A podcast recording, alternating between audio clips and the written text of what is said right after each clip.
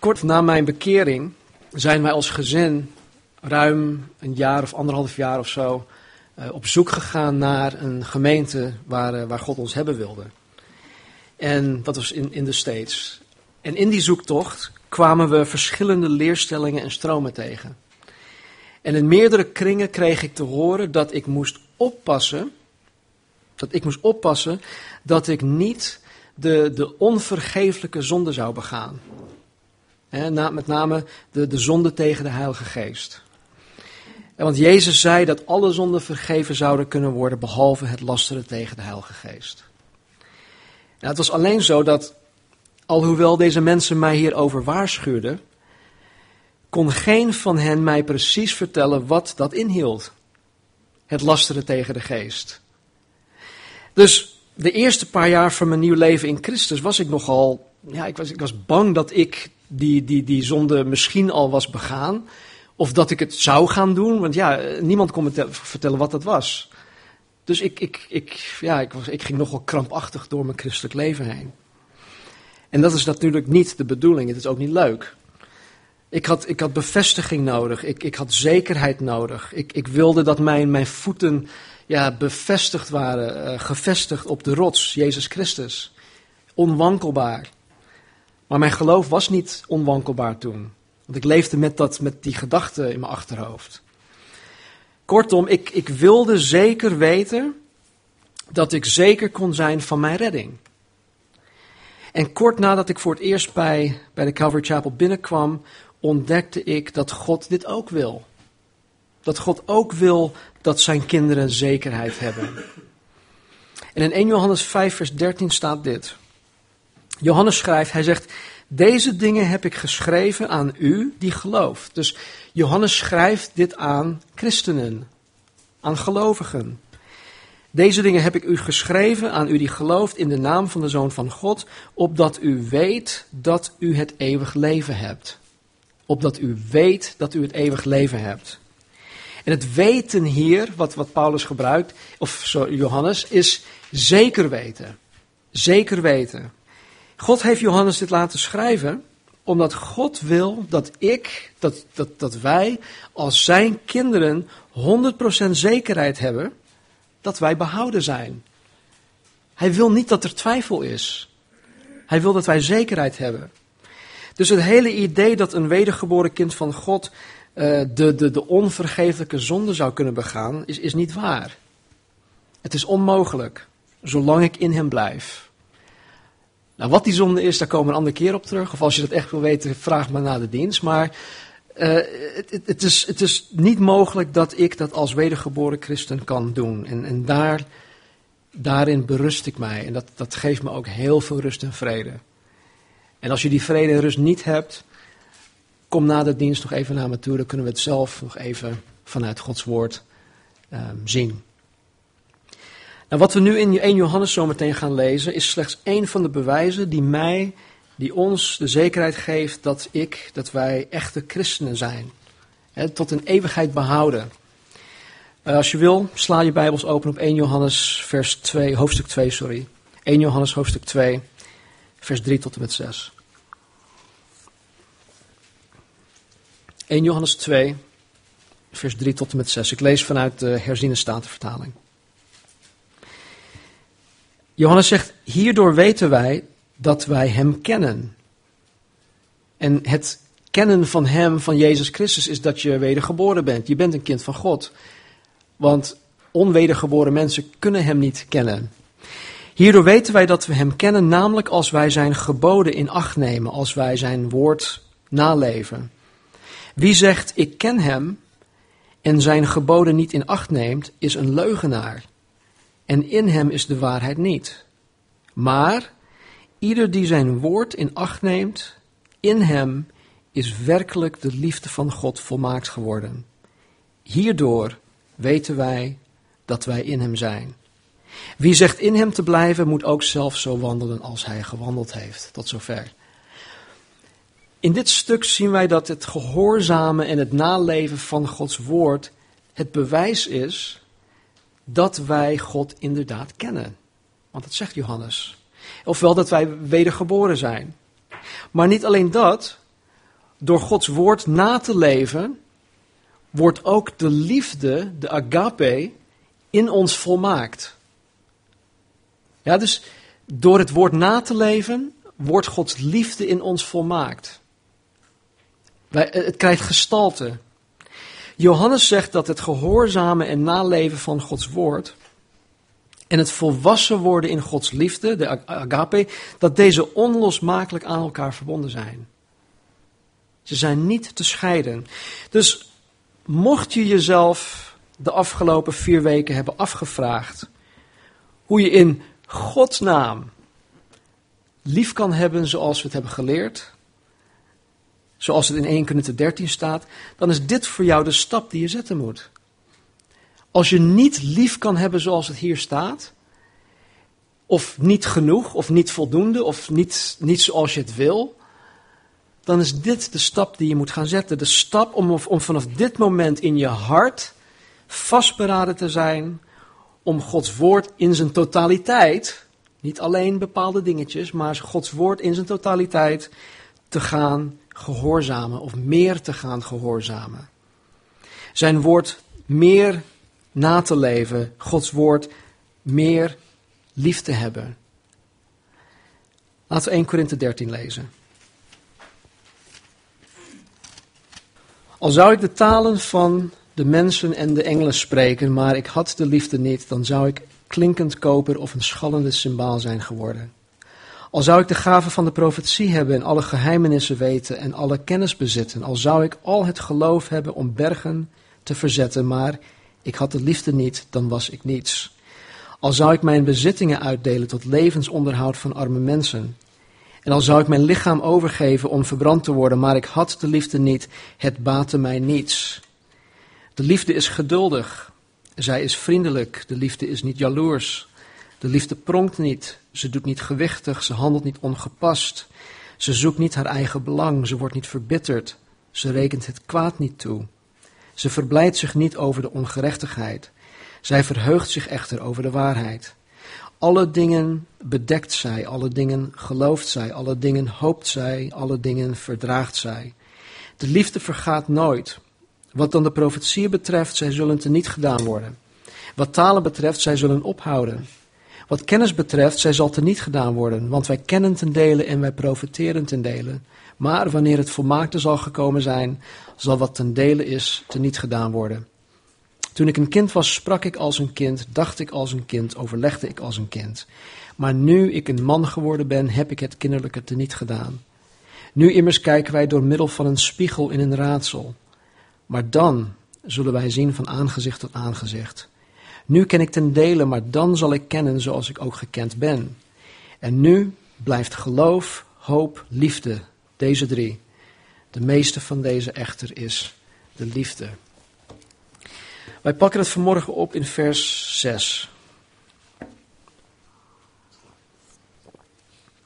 En er staat, zij verblijdt zich niet over de ongerechtigheid, maar verheugt zich over de waarheid.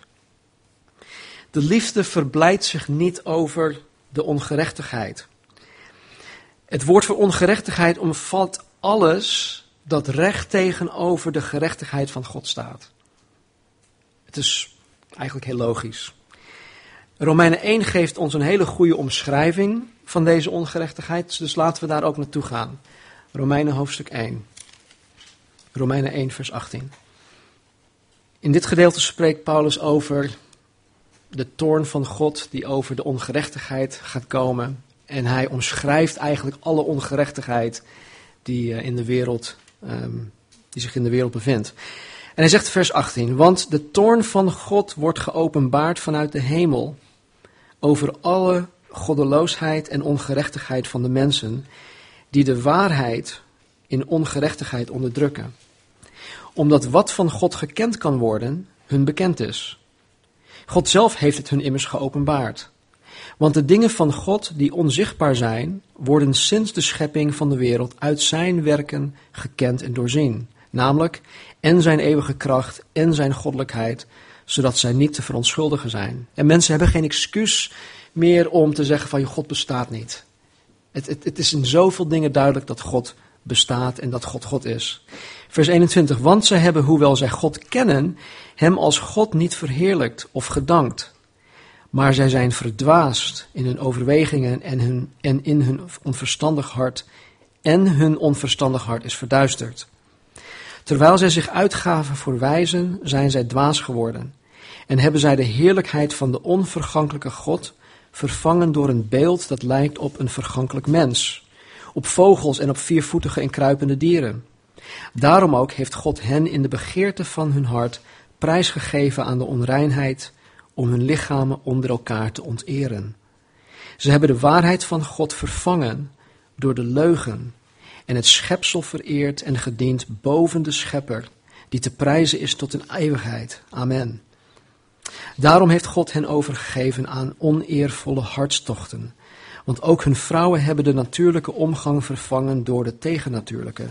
En evenzo hebben ook de mannen de natuurlijke omgang met de vrouw opgegeven en zijn in wellust voor elkaar ontbrand.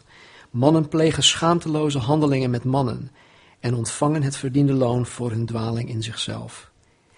En omdat het hun niet goed dacht God te erkennen, heeft God hen overgegeven aan een verwerpelijk denken, om dingen te doen die niet betamen. Ze zijn vervuld met, luister, met alle ongerechtigheid, hoererij, boosheid, hebzucht, slechtheid. Ze zijn vol afgunst, moord, twist, bedrog, kwaadaardigheid. Kwaadsprekers zijn het, lasteraars, haters van God, smaders, hoogmoedigen, grootsprekers, bedenkers van slechte dingen, ongehoorzaam aan hun ouders, onverstandigen, trouwelozen, mensen zonder natuurlijke liefde, onverzoenlijk, onbarmhartig. Zij kennen het recht van God, namelijk dat zij die zulke dingen doen, de doodwaardig zijn. En toch doen zij niet alleen zelf deze dingen, maar hebben ook een welgevallen aan hen die deze dingen doen. Tot zover. De meest gelezen magazines en boeken. De meest bekeken films en televisieprogramma's zijn degene die zonde en deze ongerechtigheid waar we het net over hadden, ophemelen, verheerlijken. Regisseurs en acteurs die worden de hemel in geprezen en ze krijgen prijzen voor het uitbeelden van deze ongerechtigheid. Dat is de wereld waarin we leven. En de mens vindt media met deze inhoud entertaining. Het is spannend. Het is leuk. Het is verleidelijk. En zelfs de christen is niet immuun voor het genieten van deze ongerechtigheid. want ook christenen willen geamuseerd zijn. En dit is toch een vorm van amusement. En vaak geeft het lezen en kijken van deze media de christen het gevoel van, van zelfvoldaanheid of zelfvoldoening, zelfrechtvaardiging. Omdat zij zelf deze slechte dingen niet doen. Dan denken ze van, oh ja, nou ik ben niet zo slecht. Ik doe het goed. En ze zeggen het misschien niet, maar het geeft hen wel dat, dat gevoel, dat idee. Maar hoe je het ook wendt of keert, ongerechtigheid is en blijft zonde. En God moet en zal deze zonde uiteindelijk gaan straffen.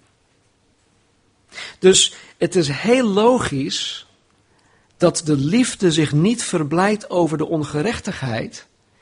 De ongerechtigheid die de zondige mens uiteindelijk naar de hel zal leiden. Waarom zou liefde daar zich over verblijden? Over deze ongerechtigheid? Niet. De liefde verblijdt zich niet over de ongerechtigheid, maar de liefde verheugt zich over de waarheid. Dit woord waarheid betekent niet de feitelijke waarheid van uh, situaties of omstandigheden, maar de waarheid van en over God. De waarheid van Gods woord. Jezus zei in Johannes 17: Uw woord is waarheid.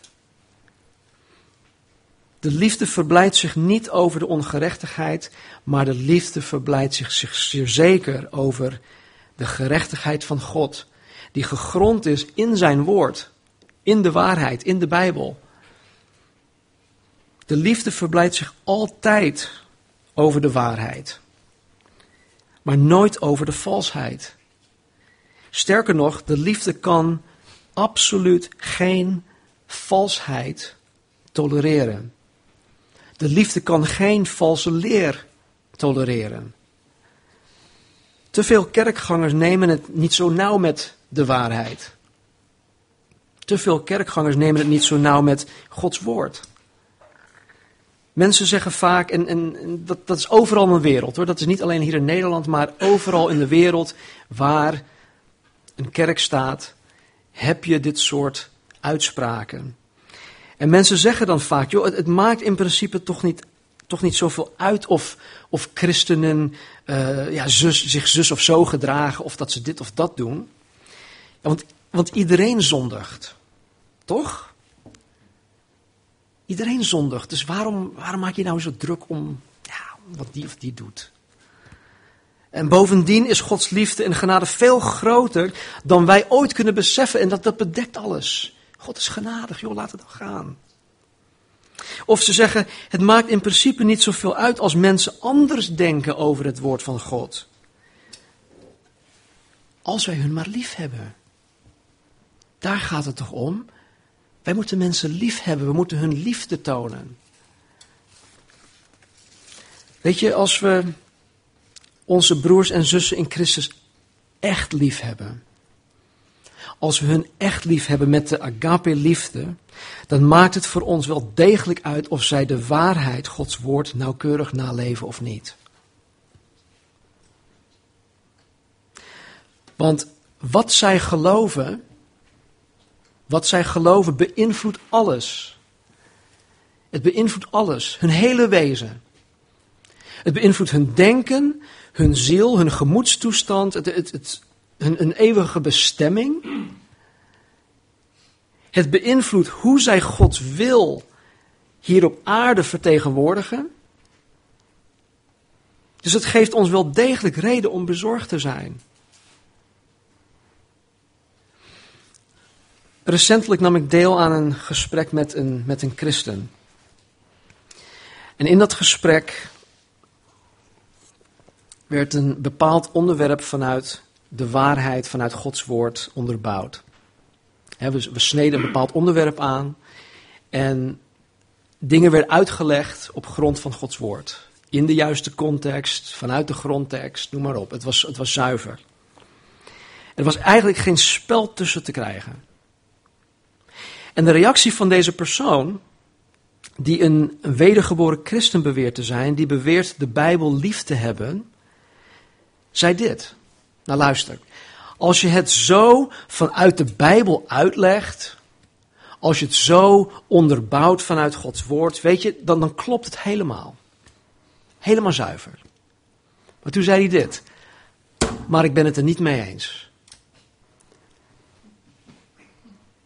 Het klopt helemaal, maar ik ben het er niet mee eens. Weet je, dit is, dit is triest, mensen. Dit is triest. Mensen die zeggen, die, die, die beweren, joh, ik ben een wedergeboren christen, halleluja, halleluja. Die dan zeggen van, ik ben het er niet mee eens wat hier staat. Ze, ze verheffen zichzelf boven God.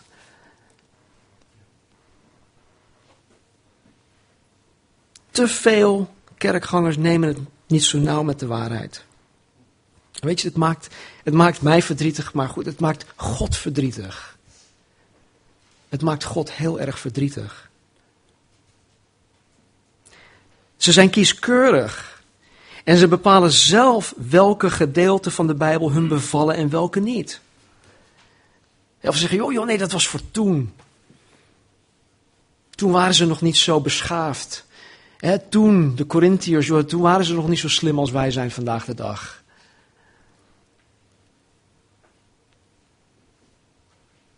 Maar de liefde, de vrucht van de geest, verheugt zich over de waarheid, de volledige waarheid. Of je het nou zint of niet. Of je het nou leuk vindt of niet. Of het nu prettig voelt of niet. De liefde verheugt zich over de waarheid. En God wil dat zijn kinderen de waarheid kennen. In 1 Timotheus 2, vers 4 zegt Paulus: God wil dat alle mensen zalig worden en tot kennis van de waarheid komen. Even verder, vers 24 tot 26 van, van 2 Timotheus, hoofdstuk 2.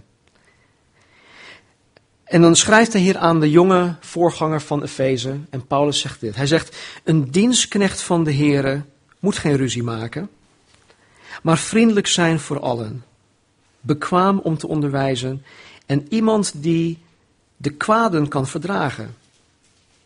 Hij moet met zachtmoedigheid hen onderwijzen die zich verzetten. Misschien geeft God hun eens bekering, zodat zij tot erkenning van de waarheid komen. En ze weer mogen ontwaken uit de strik van de duivel, door wie zij levend gevangen waren om zijn wil te doen. Paulus spreekt hier over gelovigen die zich niet verblijden over de waarheid, waardoor zij ontspoord zijn geraakt. En Paulus zegt dat door middel van het onderwijzen, het constant blijven corrigeren, het rechtsnijden van Gods woord, het prediken van Gods woord, zal God deze ontspoorde gelovigen misschien bekering schenken. Zolang ik me bezighoud met het rechtsnijden en het prediken van Gods woord, kan ik me berusten op het feit dat God zijn werk zal doen.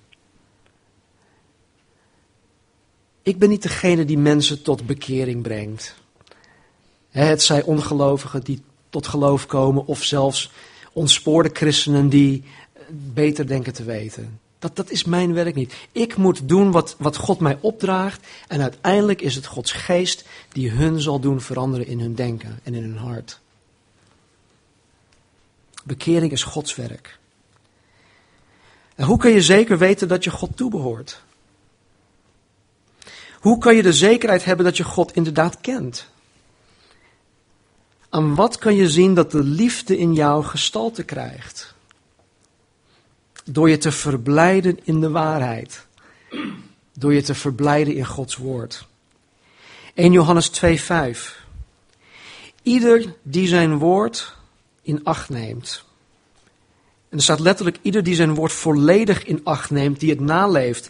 In hem is werkelijk de liefde van God volmaakt geworden. Hierdoor weten wij dat wij in hem zijn.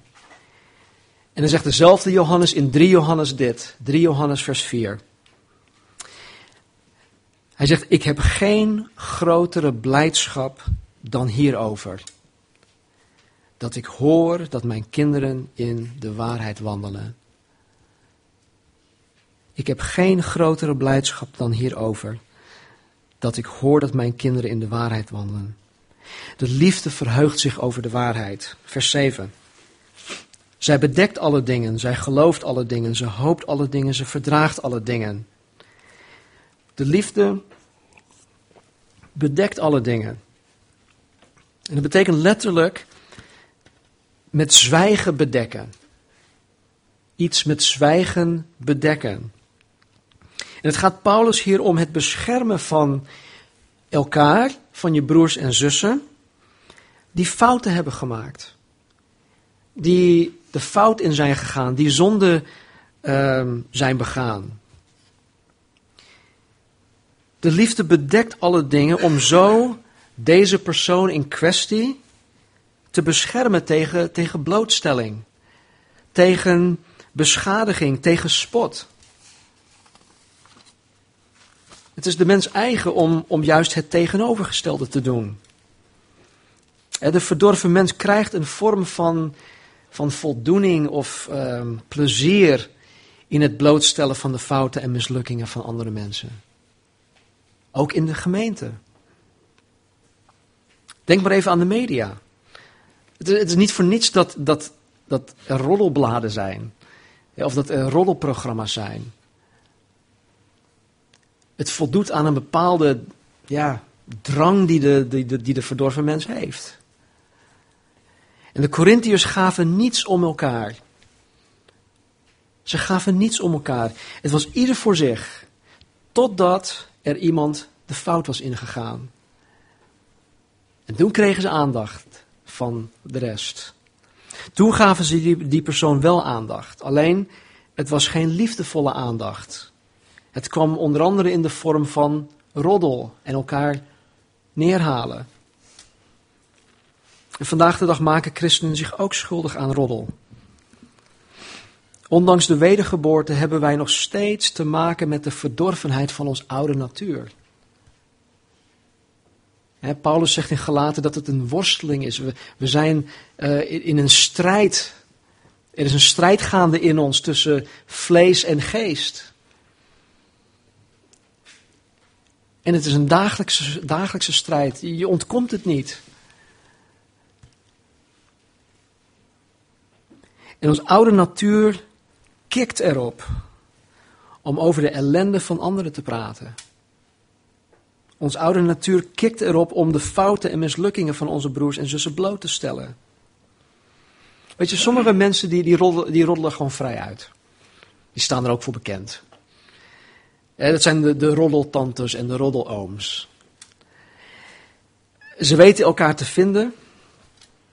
En ze leven zich helemaal uit wanneer ze elkaar zien of spreken. Anderen die zijn daar niet zo vrij in. Althans, ze zijn meer meer geestelijk dan, dan deze uitbundige roddel, tantes en ooms. En deze roddelen meer voorzichtig, vaak onder het mom van, weet je, we moeten voor hem bidden. En dat is wel een goed iets dat we voor elkaar bidden, absoluut. Begrijp me niet verkeerd. Maar al te vaak gaat roddel onder het mom van, joh, laten we voor die en die bidden. En, helaas wordt er tijdens zo'n gesprek niet voor die persoon in kwestie gebeden. Ik heb het zelf meegemaakt. Dan wordt er niet voor die persoon gebeden. Weet je, de beste manier om roddel tegen te gaan, is om ten eerste geen roddel te verspreiden. Dus dat is het eerste. Wees geen verspreider daarvan. Ten tweede, maak het een gewoonte om niet naar roddel te luisteren.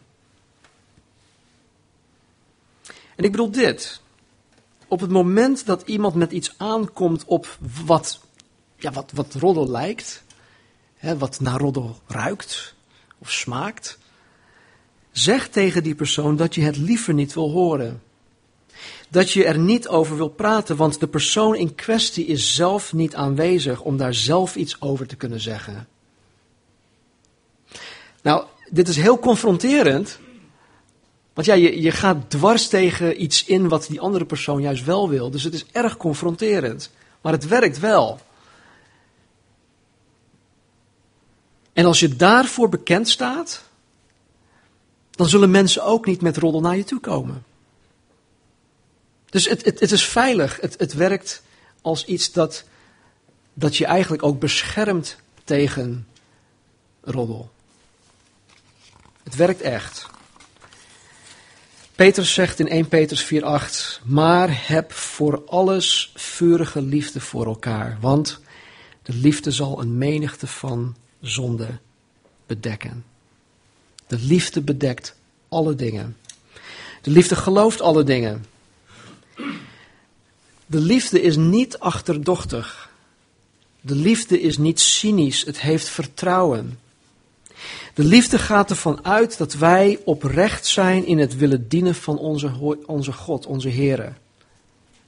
Dus wanneer wij twijfelen over een broeder of zuster, dan geeft de liefde die persoon altijd het voordeel van de twijfel. Weet je, ik heb voor mezelf een regel ingesteld waar ik me echt altijd aan probeer te houden. Als ik een inschatting moet maken over een persoon, of als ik een oordeel moet vellen over iemand, dan geef ik die persoon sowieso het voordeel van de twijfel. Maar ik vind het belangrijk om dat nog een stapje verder te gaan, om nog een stapje verder daarin te gaan. Als ik over een persoon een inschattingsfout zou, zou maken, dan maak ik liever de fout door iemand te gaan geloven, dan dat ik iemand wantrouw. Snap je? Ik, ik had laatst nog een, gesprek met, met Bert. Het is beter om fouten te maken aan de kant van genade en barmhartigheid, dan fouten te maken aan het tegenovergestelde. En dan word ik meerdere malen voor de gek gehouden door mensen. Dat gebeurt ook.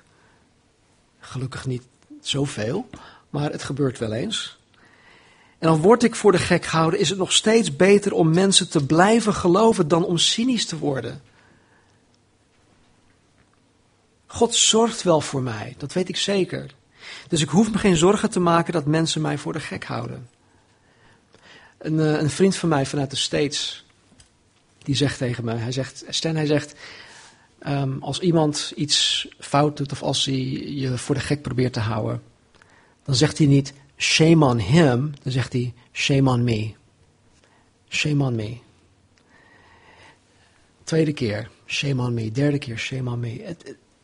hij weet gewoon dat God rechtvaardig is. En als het incasseren van dit soort dingen de anderen uiteindelijk zal brengen tot waar God hun hebben wil, dan is het toch, dan is het toch de moeite waard om, om, om dit soort onzin te incasseren. En dat is liefde. De liefde gelooft alle dingen. Mensen die niet alle dingen geloven, die zijn achterdochtig. Ze zoeken achter alles een, een slechte bedoeling. Ik stuur soms wel eens ehm, een mailtje of een sms'je met een bijbeltekst erin. En heel soms hebben mensen meteen zoiets van, wat bedoelt hij daarmee? Echt waar. Dan, dan heb je goede bedoelens van, oh man, dit, spreekt tot me, God heeft, me, heeft het op je hart gelegd om die bijbeltekst met je te delen. Wat bedoelt hij daarmee? En uh, mensen zijn achterdochtig. Maar de liefde, de liefde gelooft alle dingen. De liefde hoopt alle dingen. Al is je geloof in iemands geloofwaardigheid of goedheid of bekering nihil, al staat het helemaal op nul. De liefde blijft hopen. De liefde blijft hopen. Wanneer je het geloof niet meer hebt, dan is er en blijft er nog altijd hoop. Zolang de persoon hier op aarde leeft en ademt en eh, bij zinnen is en zolang Gods genade er is, en dat is er ook, is er hoop voor die persoon. Ouders die kinderen hebben die van het spoor zijn, die van het spoor af zijn. Wij hebben die hoop. Wij hebben die hoop. God heeft de hoop voor Israël niet opgegeven. Paul die had het net vanmorgen gedeeld. God heeft de hoop voor Israël niet opgegeven. Tot op de dag van vandaag niet. Jezus gaf de hoop voor Petrus ook niet op. En Paulus had de hoop voor de Corinthiërs ook niet opgegeven. Dus hoe onwaarschijnlijk een situatie er ook uit kan zien, de liefde blijft hopen. De liefde hoopt alle dingen. En tot slot, de liefde verdraagt alle dingen. Het woord hier is op zijn Grieks, en dat is wel leuk om te zeggen. Ik zei tegen gisteren, gisteren nog tegen Marnie. Ik vind de, de oud-Griekse taal wel leuk, want het heeft een bepaalde klank en het, uh, wat mij wel staat. Maar goed, ik ga het niet opnoemen. Maar het woord eh, was een militaire term. En het Centrum voor Bijbelonderzoek zegt dit hierover. Het woord geeft oorspronkelijk aan dat men in de strijd blijft staan om weerstand te bieden, in tegenstelling tot hen die op de vlucht slaan. Van daaruit is het, van daaruit is het een, aanduiding, een aanduiding voor standhouden, verdragen, verduren. In meer algemene zin uh, is, het, oh, is het dit geworden. Het woord draagt niet zozeer de nuance van passief afwachten in zich, maar veel eerder de nuance van actief het hoofd bieden. Dus het woord verdragen heeft, geeft oorspronkelijk aan dat men in de strijd blijft staan om weerstand te bieden, in tegenstelling tot hen die op de vlucht slaan. Met andere woorden, de liefde verduurt en verdraagt alle dingen, koste wat kost. Dat is wat. De liefde verduurt en verdraagt alle dingen, koste wat kost. En in eigen kracht redden wij dit niet. In eigen kracht zijn wij hierin zwak. Daar ben ik zwak in. De menselijke neiging is, is om af te haken. De menselijke neiging is om het op te geven. Want ja, je, je doet je best om mensen lief te hebben, om te dienen. Je wil ook meebouwen aan de gemeente. Je maakt offers om dit allemaal mogelijk te maken. En toch wordt het niet gewaardeerd. Dit is vaak de realiteit van het gemeenteleven. En als je niet weet hoe je hiermee om moet gaan, dan haak je af. Dan word je onverschillig of dan sla je op de vlucht. Maar de liefde verdraagt, verduurt alle dingen. De liefde houdt stand. De liefde blijft knokken voor degene die God lief heeft. De liefde biedt weerstand tegen de zwakheid van het vlees. De liefde verdraagt alle dingen. Jezus is geduldig. Jezus is vriendelijk. Jezus is niet jaloers. Jezus pronkt niet. Jezus doet niet gewichtig. Jezus handelt niet ongepast. Jezus zoekt niet zijn eigen belang. Jezus wordt niet verbitterd. Jezus rekent het kwaad niet toe. Jezus verblijdt zich niet over de ongerechtigheid. Jezus verblijdt zich over de waarheid. Jezus bedekt alle dingen, gelooft alle dingen, hoopt alle dingen. Jezus verdraagt alle dingen.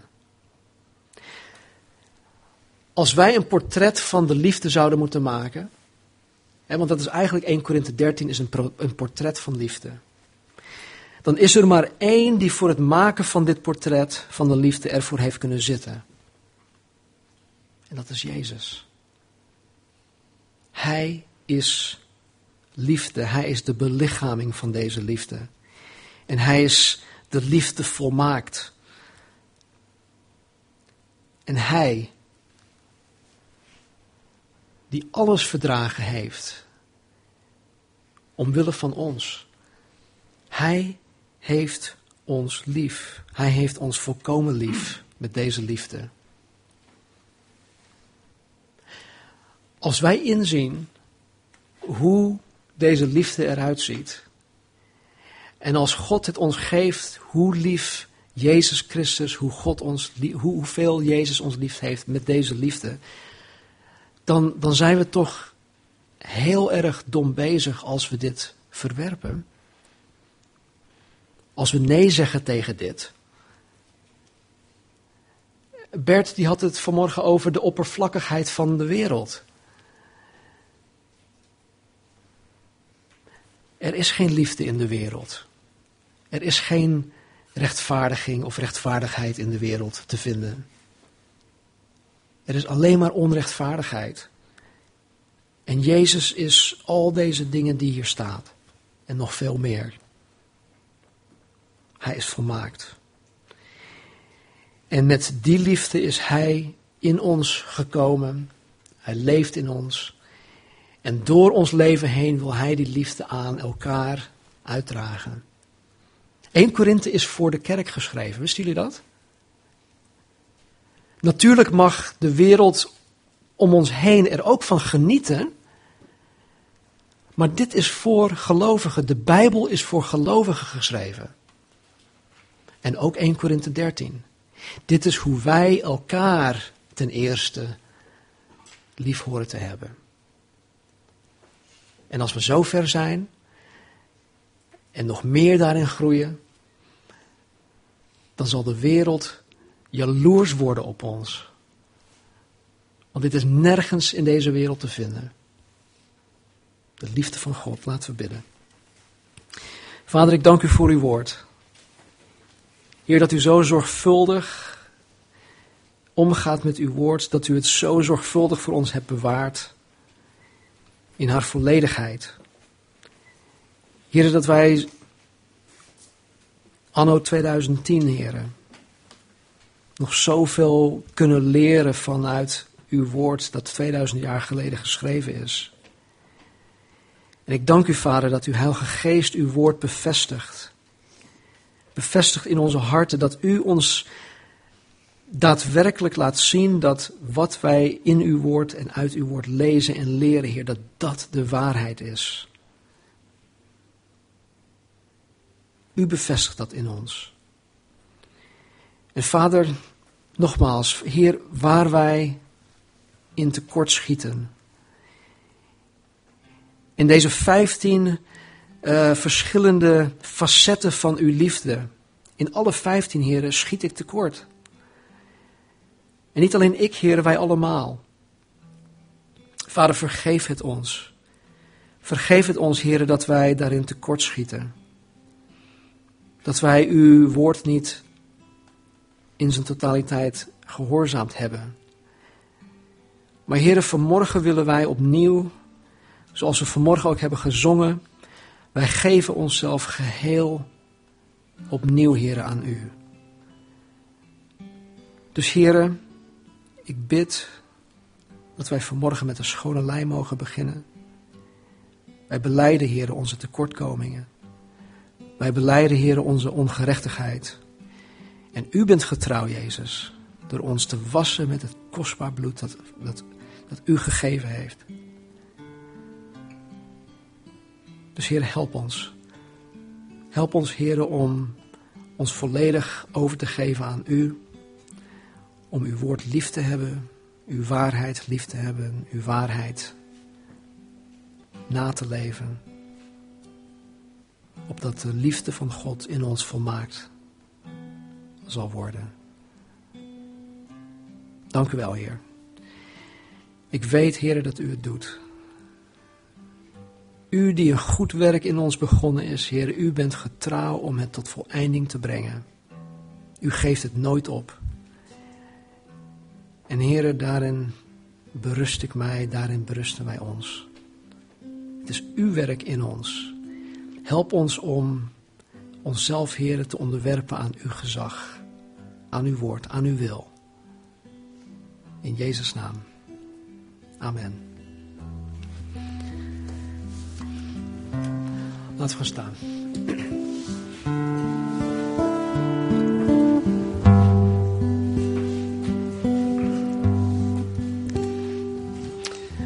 Nogmaals dat stukje uit 1 Johannes.